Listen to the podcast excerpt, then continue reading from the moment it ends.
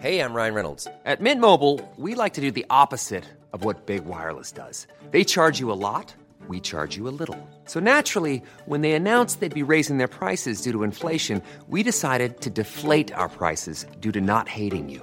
That's right. We're cutting the price of Mint Unlimited from $30 a month to just $15 a month. Give it a try at mintmobile.com slash switch. $45 upfront for three months plus taxes and fees. Promo rate for new customers for limited time. Unlimited more than 40 gigabytes per month. Slows. Full terms at mintmobile.com.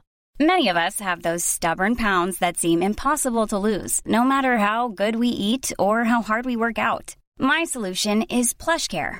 PlushCare is a leading telehealth provider with doctors who are there for you day and night to partner with you in your weight loss journey. They can prescribe FDA-approved weight loss medications like Wagovi and Zepbound for those who qualify. Plus, they accept most insurance plans. To get started, visit plushcare.com slash weight loss. That's plushcare.com slash weight loss.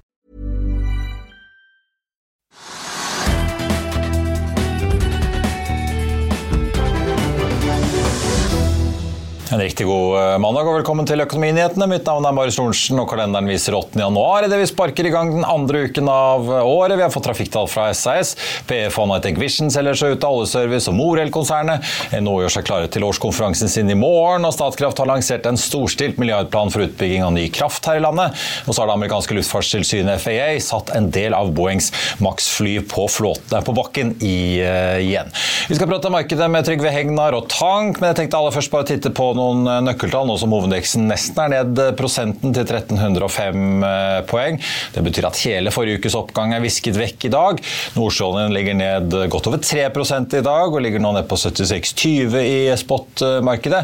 Rundt oss i Europa så er det litt blandet. Stockholm og Frankfurt peker seg ut som de to grønne børsene, sammen med Paris, som så vidt også er i grønt i dag, mens resten, mens ellers da stort sett er rødt jevnt over fjølen. Ser vi på futuresene på Wall Street, så peker de mot en svak positiv start på denne uken. Vi så et svakt opptikk da også på fredag etter jobbtallene som kom da fra amerikanske myndigheter, men man endte likevel uken i minus forrige uke, særlig da hvis man sitter på Nasdaq, som var preget av fall i mange av de store teknologiaksjene. Så får jeg også ta med da for de som ikke fikk med seg jobbtallene i USA, så fikk vi da 216 000 nye jobber i desember, godt over forventningen, en uendret ledighet på 3,7 og en årsvekst i timelønningen i USA som holder seg over 4% på årsbasis.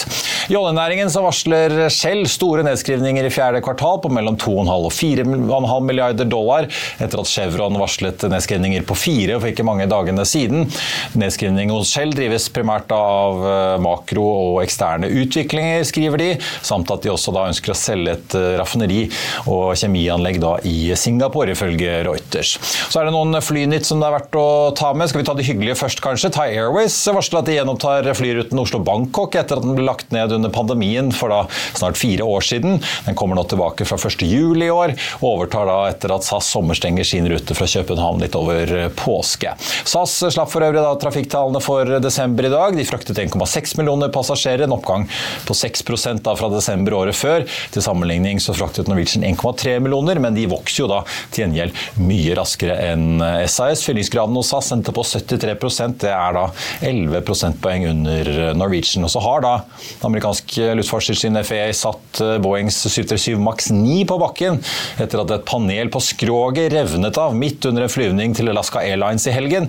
Og dette rammer da nesten 200 fly, men det påvirker ikke Norwegians flåte direkte, siden de da bruker den noe mindre Max 8 varianten. Vi får også ta med at FAA den 28. desember sa at de følger ekstra nøye opp inspeksjonen av alle Max-fly om dagen for å kontrollere for mulige løse bolter i roret. Norwegian var tidligere nede i dag, men har krøpet oppover og ligger opp nesten 0,1% akkurat nå. Vil du bli oppdatert på det viktigste som har skjedd innen finans og næringsliv? Da er det bare å følge med, for hver morgen er jeg, Marius Lorentzen og aksjekommentator Karl Johan Malnes på plass i studio for å ta tempen på dagens marked i Børsmorgen. Og hver ettermiddag oppsummerer vi alt du trenger å vite i Økonominyhetene, og det blir selvfølgelig masse interessante gjester. Klikk deg inn på fa.no-tv, eller søk opp Børsmorgen og Økonominyhetene der du hører på podkast.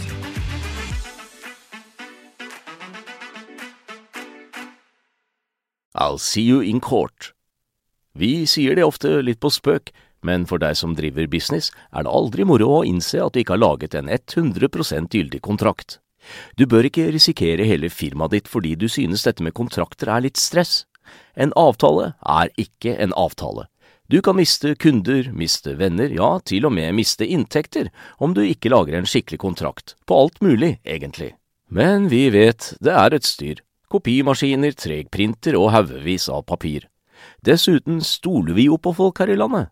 Det er ofte litt kleint å skulle be om en signatur for alt mulig, ja, for mye av styret handler også om jakten på underskriften. Det finnes en enkel måte å løse dette på, Dukkobit, en trygg, effektiv og get this, gratis måte å sikre seg en god natts søvn pluss en juridisk bindende avtale. Dukkobit-appen har de strengeste sikkerhetskrav i bunn, samt en EU-godkjent og sertifisert teknologi. Framover vil det bli behagelig å spørre du, skal vi skrive under på det, eller? Kom i gang på dukkobit.no. Så er det kraftbransjen, da. For dagens regjering har jo hostet opp mange skattegrep som har skremt folk i energinæringen de siste par årene. Først kom jo høyprisbidraget, som forsvant fra i fjor høst. Og så kom jo denne grunnrenteskatten på vind på land, da, som også har fått det til å gå kaldt nedover ryggen på enkelte aktører i næringen. Særlig de som har bygget anlegg fra før av før skatteforslaget kom. Men nå ser det ut til at i hvert fall den største aktøren her i landet tør å satse igjen. Energiminister Terje Aasland var nemlig invitert til Statkrafts hovedkontor på Lilleaker i Oslo i dag for å overvære lansering lanseringen av deres nye investeringsplan. og Noen av høydepunktene vi kan ta med, er at de regner med å bruke mellom 44 og 67 milliarder kroner på å oppgradere vannkraftverk og vindkraftverk, også bygge ny vindkraft på land. De skal øke da vindkraftproduksjonen sin med 2,5 TWh. Det er da mer enn en dobling av dagens produksjon.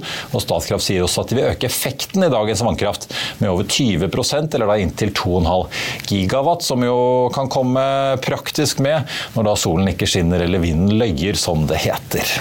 Da skal jeg si eh, velkommen og god mandag til deg, Trygve. Vi kan ta Statkraft eh, og hva som skjer der litt etterpå. Skal vi begynne med tank? Det går bra for Frontline i dag? Ja, det kan vi gjerne gjøre. Altså Shipping har vært veldig sterkt de to siste årene. Og mange tror nå, eller noen tror at eh, vi nå får det tredje året på rad med gode rater og god inntjening i shippingselskapene, og at kursene vil gå. Og Der har vi da fått et godt eksempel på det i Frontline, som er da Jon Fredriksens baby, hans hovedselskap. Og den aksjen var i fjor opp rundt 100% så den startet sterkest av alle i år med opp 13-14-15 per i dag. Og Det skyldes sannsynligvis at det går rykter om at, det at Fredriksen, som er en god mann til å kjøpe og selge, at han da vil selge fem eldre skip fra Frontline-flåten og skal ta inn tre milliarder kroner eller sånt på det. Om gevinsten er så stor, er jeg ikke så sikker på, men det markedet forskjellige er det at de nye skipene får noe mye bedre rate enn de gamle skipene. Så de nye skipene som har, så, har såkalte skrøbbere, dvs. Si at de renser eksosen. da. Det er ikke mer Blir ikke noe svovelutslipp, eller hva det er? Ja. Mm. Så det er, liksom, det er moderne, gode skip, og at, han, og at han har masse av de, han har rundt 40 av dem. Og han skal selge da sånn fire-fem gamle og få godt betalt for det. Og raten er, altså Rateforskjellen er såpass stor at man snakker om liksom 50 000 dollar per dag for de gamle, og så snakker man om 70 000-100 000 dollar per dag for de nye. Og Det blir det veldig mye penger av. Og Jon Fredriksen er kjempegod, slik at aksjen er opp 4% i dag, var opp 100 i fjor. Og hvis da 2024 blir det tredje år på rad med gode shippingrater, så er Frontline åpenbart et selskap mange vil satse på, og der kommer kursen til å gå. Da blir det bra trøkk på Theatercaféen i desember 2024. ja, Poenget er at Fredriksen er god, og tank er hans marked. Og så er det da god begrunnelse for at raten er høyere. Og så, så er det altså på en måte litt sånn man er litt imponert over at han da selger de gamle skipene. Hvor de andre da kjøper, og Hvem som kjøper, de vet man jo ikke. Men han blir sittende med de nye skipene, og så er det veldig få skip i, i ordre. slik at det tar to-tre år å få bygget nye tankskip av den typen som han har. Ja. Han er, så han er god igjen. Og jeg har hørt det fra folk som kan uh, shipping og tank ordentlig, at uh, det er få som har fått med seg egentlig størrelsen på det Fredriksen og systemet hans klarte å få til med hele den Euronav-transaksjonen, hvor de da klarte å overta alle disse uh, skipene fra Euronav i fjor. Han er blitt stor på tank. Han var stor, men han er blitt stor nå, altså. Han kjøpte ca. 20 skip fra Euronav. Og så har han nå, når, når og hvis de, de, gamle blir solgt, da de ryktene går om det, da tipper jeg at det er en handel på vei, så vil han sitte igjen med rundt 40 av helt moderne skip. Det er en kjempeflåte, Marius. Kjempeflåte. Mm. Som han vet å utnytte. og Så går det kanskje et år eller to, og så selger han storeflaten med en kjempegevinst, med en kjempegevinst og så går litt ned igjen. Han kjøper eiendom i Oslo. Ja, det driver han med. Blant annet, han har kjøpt Telegrafen via Norwegian Property. Ja, men ja. Han betaler én milliard her, én milliard der, spiller jo ingen rolle for han. Han er steinrik, og så gjør han det godt hele tiden. Og gjør han en kule i tank nå, med Frontline, så er det faktisk ganske imponerende. Men det var også Frontline han begynte med for å bli mm. stor. Back in the day. Men eh, ja, for det, apropos, da, nå har vi jo situasjonen i Rødehavet. Jeg så Costco, en av verdens største containerrederier, eh, sier midlertidig slutter å levere varer til Island pga. uroligheten i Rødehavet. Det er mange som må seile rundt eh, Afrikas Horn om dagen, og det legger på mange tonnmil. Det er en veldig lang reise på to-tre uker for de fleste typer skip. Eh, det blir veldig kostbart. Det må kundene betale etter hvert. Så, altså, veldig mange land vil gjøre veldig mye for å unngå det at det liksom stopper opp i Rødehavet eller i Suezkanalen. Så det kan jo tenkes at man får noen ganske kraftige militære konfrontasjoner da, i Rødehavet hvis dette fortsetter. Men fordi at mange land sier at vi kan ikke ha den uh, turen rundt. Ratene går opp, de varene man frakter blir for dyre, og det kan vi ikke ha nå av. Dessuten så sier de sånn på generell basis at man kan ikke finne seg i at liksom noen land, enten det er i hjem eller andre, stopper hele den, trans, den transportstrømmen som går gjennom Rødehavet og gjennom Suezkanalen. Man, man finner seg ikke i det. Det er en for stor andel av verdens handel, og det vil man ikke ha. Så det er ganske skummelt. Det kan bli mer krig ut av det. Det kan også bli slik at en rekke land, en håndfull land, da på en måte går så hardt i veis at man stopper da de angrepene som kommer da fra Jemen, kan tenkes. Men det ser usikkert ut. Normalt ville man da tro at eh, når det er såpass usikkert, så ville oljeprisen gå opp, Marius. Men ja, men gå opp, for liksom, da liksom får, man, får, man, får man oljen man vil ha. Hvor lang tid tar det å få tak i den? Hvor lang blir reisen om uh, Kapp, Kapp, og Afrika? Så det, det, vet, det, vet, man helt, ikke helt. Men nå ser man jo at oljeprisen synker litt. Den er ned 77-78 dollar fat i dag. Og oljeselskapene, altså da Equinor og Aker BP, er, opp, er ned 3-4 Og vår energi er ned i hvert fall 4 så La oss si at de store oljeselskapene er ned 3-4% på én dag. Det er ganske sterke fall for kjempestore selskaper selskaper. Og det tyder på at det er en ganske fundamental ubalanse i oljemarkedet. Tilbudssiden er stor, etterspørselen er ikke så stor. Eh, og da spiller det ingen rolle at det er liksom problemer i Rødehavet eller at liksom reisen er lang. Det er, liksom, det er en usikkerhet om at det stemmer. Og så har vi da Herbjørn eh, Hansson, som da sa det her for en uke siden at eh, Apropos tank, ja, og han den andre tankrederen her i landet. Ja, og han sa jo da til Finansavisen at han regnet med at oljeprisen ville falle til 20-30 dollar per fat. 20-30 dollar per fat. Ingen tror på det. Skrekk og grus, jeg. Ja. ja, ingen tror på det. Ice Norge vil tape voldsomt. Gå, da, er det, ja, da er det store inntekter som ikke kommer eh, innom vår ende av verden. Altså. Statsinntekter vil gå dramatisk ned, og norske skatteinntekter vil gå dramatisk ned. Så det er ikke bare å si at liksom, dette er gøy, men på den annen side er det interessant at en reder av hans type han har, disponerer jo en oppunder 20 skip, tror jeg. Og, og, når han da sier at han tror at oljeprisen skal falle så mye, så han måte stikker hodet ganske langt ut. da. Eh, men tilsynelatende er det ingen som tror på det. Men oljeprisen siger nedover, og den tror jeg det kommer til å gjøre ganske lenge. Selv om man har uroligheten i Rødehavet, så tror jeg det kommer til å sige nedover. For det er en fundamental altså ulikhet i markedet. Og Saudi-Arabia har sagt at nå kommer vi til å senke prisene i februar. Man pleier ikke å si det hvis man, skal, hvis man liksom tjener penger. Man pleier ikke å si når man skal senke, senke, prisene. Så de har sagt at vi, vi mener at det er en ubalanse. Vi kommer til å senke prisene i februar for å få solgt mer. Kanskje på bekostning av andre land, kanskje på bekostning av Russland, kanskje på bekostning av Norge, hva vet jeg. Men det er såpass store aktører som sier at den prisen vi har er for høy, så den skal ned. Om den ender på 20-30 dollar på fat, som da Herbjørn Hansson sier, eller om det ender på 50-60 år på fat, det vet ikke jeg. Men jeg skal ikke opp for tiden. Den er på vei ned. Oljeprisen. Det er ikke bare Herbjørn. Vi har jo hørt Jarand Rystad, om enn ikke 2030, men uh, Rystad selv og Rystad Energy har jo påpekt den voldsomme produktivitetsveksten og ja, generelle aktiviteten i USA som vi undervurderer, mener de. da. Vi ser jo USA har jo passert 13 millioner fat. Regner du med disse våtgassgreiene, så er det oppe i 20 millioner fat dagen. Ja, og så er det noen som sier at liksom uh, masse andre typer olje, sånn varianter, altså, ikke den rene oljen osv. At det produseres masse av det rundt omkring, at det kommer masse nye, nye, nytt på tilbud på, på markedet. Så altså, Det ser litt skummelt ut for oljeprisen. Jeg er ikke ekspert på oljeprisen, jeg bare ser hva aktørene sier. og Jeg tror på markeder. Og tilbud og etterspørsel på en måte sier egentlig hvordan, hvilken vei det går. Så det ja. Hyggelig å få tank. da, altså Hvis det blir billig olje, så kan du stimulere etterspørsel som kan gjøre at uh, det blir enda mer å frakte? Ja, det kan bli mer å frakte hvis prisen blir lavere. Det pleier å være slik. Men uh, så blir det også mer kostbart å frakte rundt omkring. Side, altså, jeg, jeg, husker ikke tallene, men vet ikke, hva er verdien av et stortaksskip fylt med olje? Er det milliarder eller. Eller det må det jo fort være. Du får jo du får et, par, du får et par millioner fat oppi, eller en million fat eller noe sånt oppi en av de, de aller største. Ja, ja, og da blir kanskje da kostnadene, nemlig den raten du må betale, kanskje liten i forhold til frakten. da. Ja. Men det er usikkert, markedet er usikkert. Og så er jo det store jokeren, det er Kina. Da. De har jo en voldsom råvareappetitt hvis, uh, hvis, de går, hvis den økonomien begynner å ja. Det man virkelig ta litt igjen, så kan jo det hjelpe. Det man trodde lenge. Det kan jo bli hyggelig for Hydro Elkem og Yara, og etter hvert eh, også som slett i, i fjor. Elkem er også opp 6 i dag. Der anbefaler jeg et meglerhus. Ja. Uh, skal vi snakke litt om, uh, apropos hvis vi holder oss litt i olje, da, Hightech Vision, uh, Ole Ertevågs og co. sin ganske drevne P-virksomhet i Stavanger, skråstrek Oslo, selger store deler, eller hele omtrent av dette oljeservicekonsernet Morel, som de pakket sammen for noen år siden, og de skjønte at det var ikke så lett å selge disse oljeservicevirksomhetene separat midt under oljebremsen. En Nei, altså, interessant transaksjon. Ja, Selger det til noen britiske fond? Jeg skjønner ikke helt meldingen. for De sier jo det at det har vært den dårligste investeringen vi har gjort. å være da, i oljeservice. Alle andre jeg kjenner de tjente masse penger i fjor og i forfjor i oljeservice, så det er litt rart. Men de tar konsekvensen av noe de da ser, at de ikke tjener penger for det. Pakker sammen som du sier, og skal selge det til noen andre. Ja, det Får de til det, så er det fint, det. Vi drømte jo om en børsnotering av Morell en gang. Det ble heller ja. ikke noe av. Men det har vært et bra selskap. De har tjent mye penger da. Ja, Hightech generelt, ja. ja. De får glede seg over at de har gått god butikk av Vår Energi, da, sammen med italienske ja, blant annet. Det gjorde en kule. Ja. Og så tenkte Jeg også, jeg syns det var litt interessant eh, holdt jeg på å si, Våre venner i konkurrenten DN har jo vært på besøk hos Statkraft-sjefen og fått uh, fremlagt denne årlige interne verdivurderingen som Statkraft gjør av seg selv, hvor de har kommet til at uh, nå er de Norges nest mest verdifulle selskap etter Equinor. Mer verdt enn DNB, Nesten mer enn 400 milliarder kroner. Nesten 400 milliarder ja. kroner driver Statkraft. Nå skal jo Kristian Rønning Tønnesen gå av som uh, toppsjef, vi får se hvem som overtar. Men uh, driver de og starter en lobbykampanje for å kanskje komme seg på børs her og friste noen næringspolitikere til å gjøre som man gjorde med Statoil i sin tid? Ja, altså jeg vet jo ikke hva som foregår, vi kan bare spekulere. Men det er jo han sier også da det som kanskje er litt interessant, at hvor mye penger vi bruker bruke på investeringer. da. Ja. 40 milliarder eller sånn, og de skal utvide voldsomt da innen vind og eh, vann, men mest vind, for da på en måte la eh, vannet være mest uberørt, og ikke besudde det. da. Så De skal bruke mye penger. Altså, det, er, det, er, litt sånn, Hvorfor sier han det at de tror at, eller de regner med at selskapet deres er verdt nesten 400 milliarder, som er den nest høyeste verdien av alle selskapene på Oslo Børs?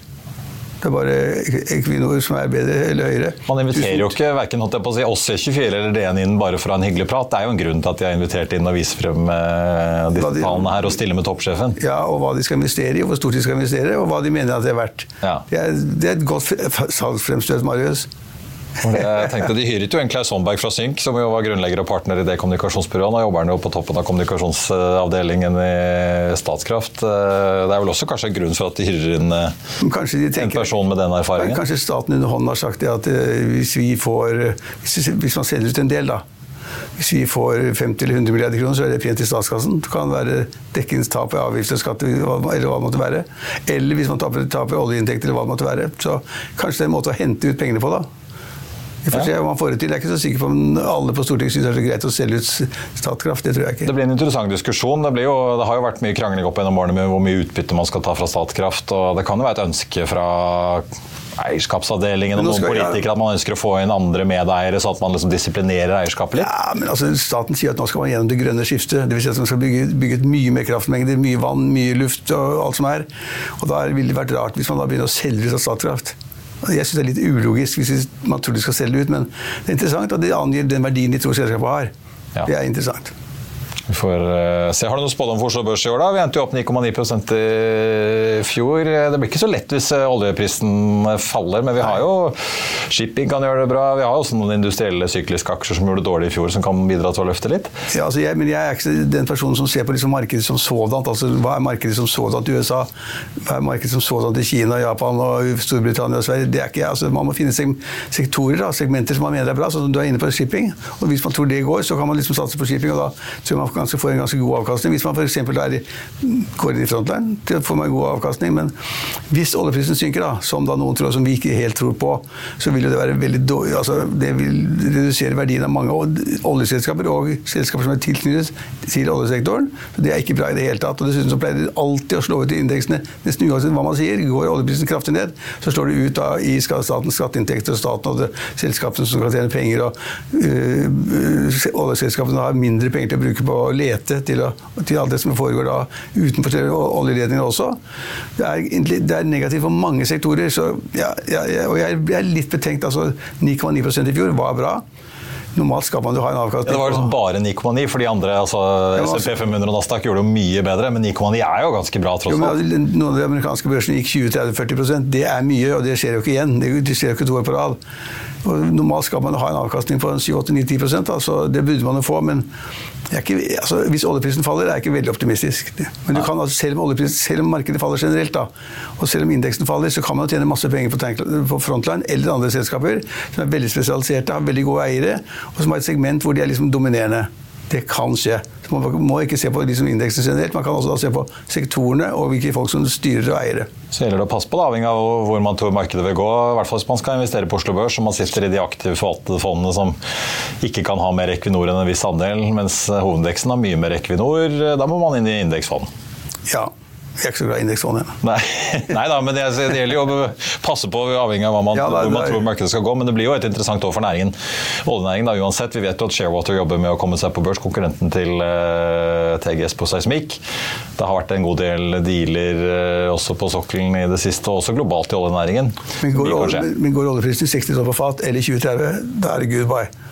Ja, 60 flere år. kan man, 60 kan man leve godt med. Det er verre med 2030. Ja. Da, Da tørker, da tørker det mye på Aker Solutions og Subsea Seven og alle de leverandørindustrien. Altså. Alle sammen. Mm. Vi får se, Trygve. Takk skal du ha. Rosafe og Borr og Ja, ja, ja. alt med alt. Altså, skjer det, så går det rett ned for veldig mange, men ingen tror det ennå, da. Vi får, eh, vi får spørre hvordan stemningen er på, hos DNB om dagen. De har jo lånt penger til mange av disse her. Ja, Mm. det er godt poeng. Og ikke minst Exfin-sjefen også. Takk skal du ha, Trygve.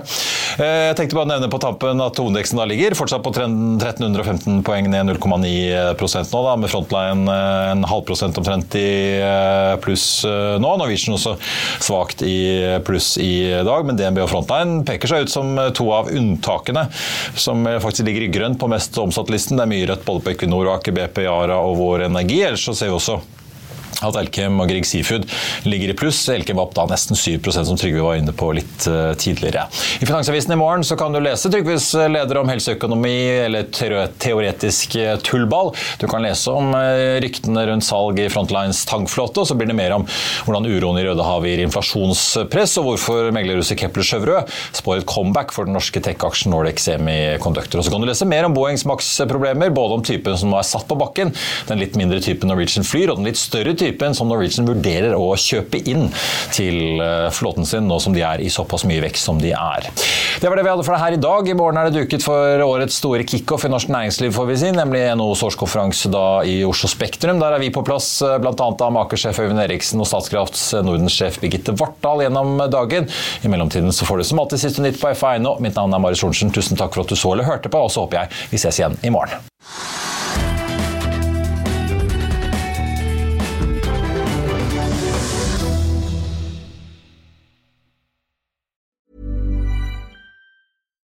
Why don't more infant formula companies use organic, grass fed whole milk instead of skim?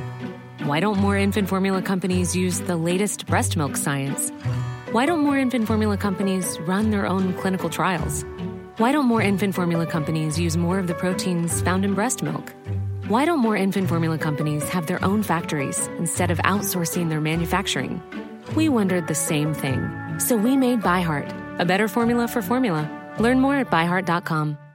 Even when we're on a budget, we still deserve nice things. Quince is a place to scoop up stunning high-end goods for 50 to 80% less than similar brands. They have buttery soft cashmere sweaters starting at $50, luxurious Italian leather bags, and so much more. Plus, Quince only works with factories that use safe, ethical, and responsible manufacturing. Get the high-end goods you'll love without the high price tag with Quince. Go to quince.com slash style for free shipping and 365-day returns. Økonominyhetene er en podkast fra Finansavisen. Programledere er Marius Lorentzen, Stein Ove Haugen og Benedikte Storm Bamvik. Produsenter er Lars Brenden Skram og Bashar Johar. Og ansvarlig redaktør er Trygve Hegnar.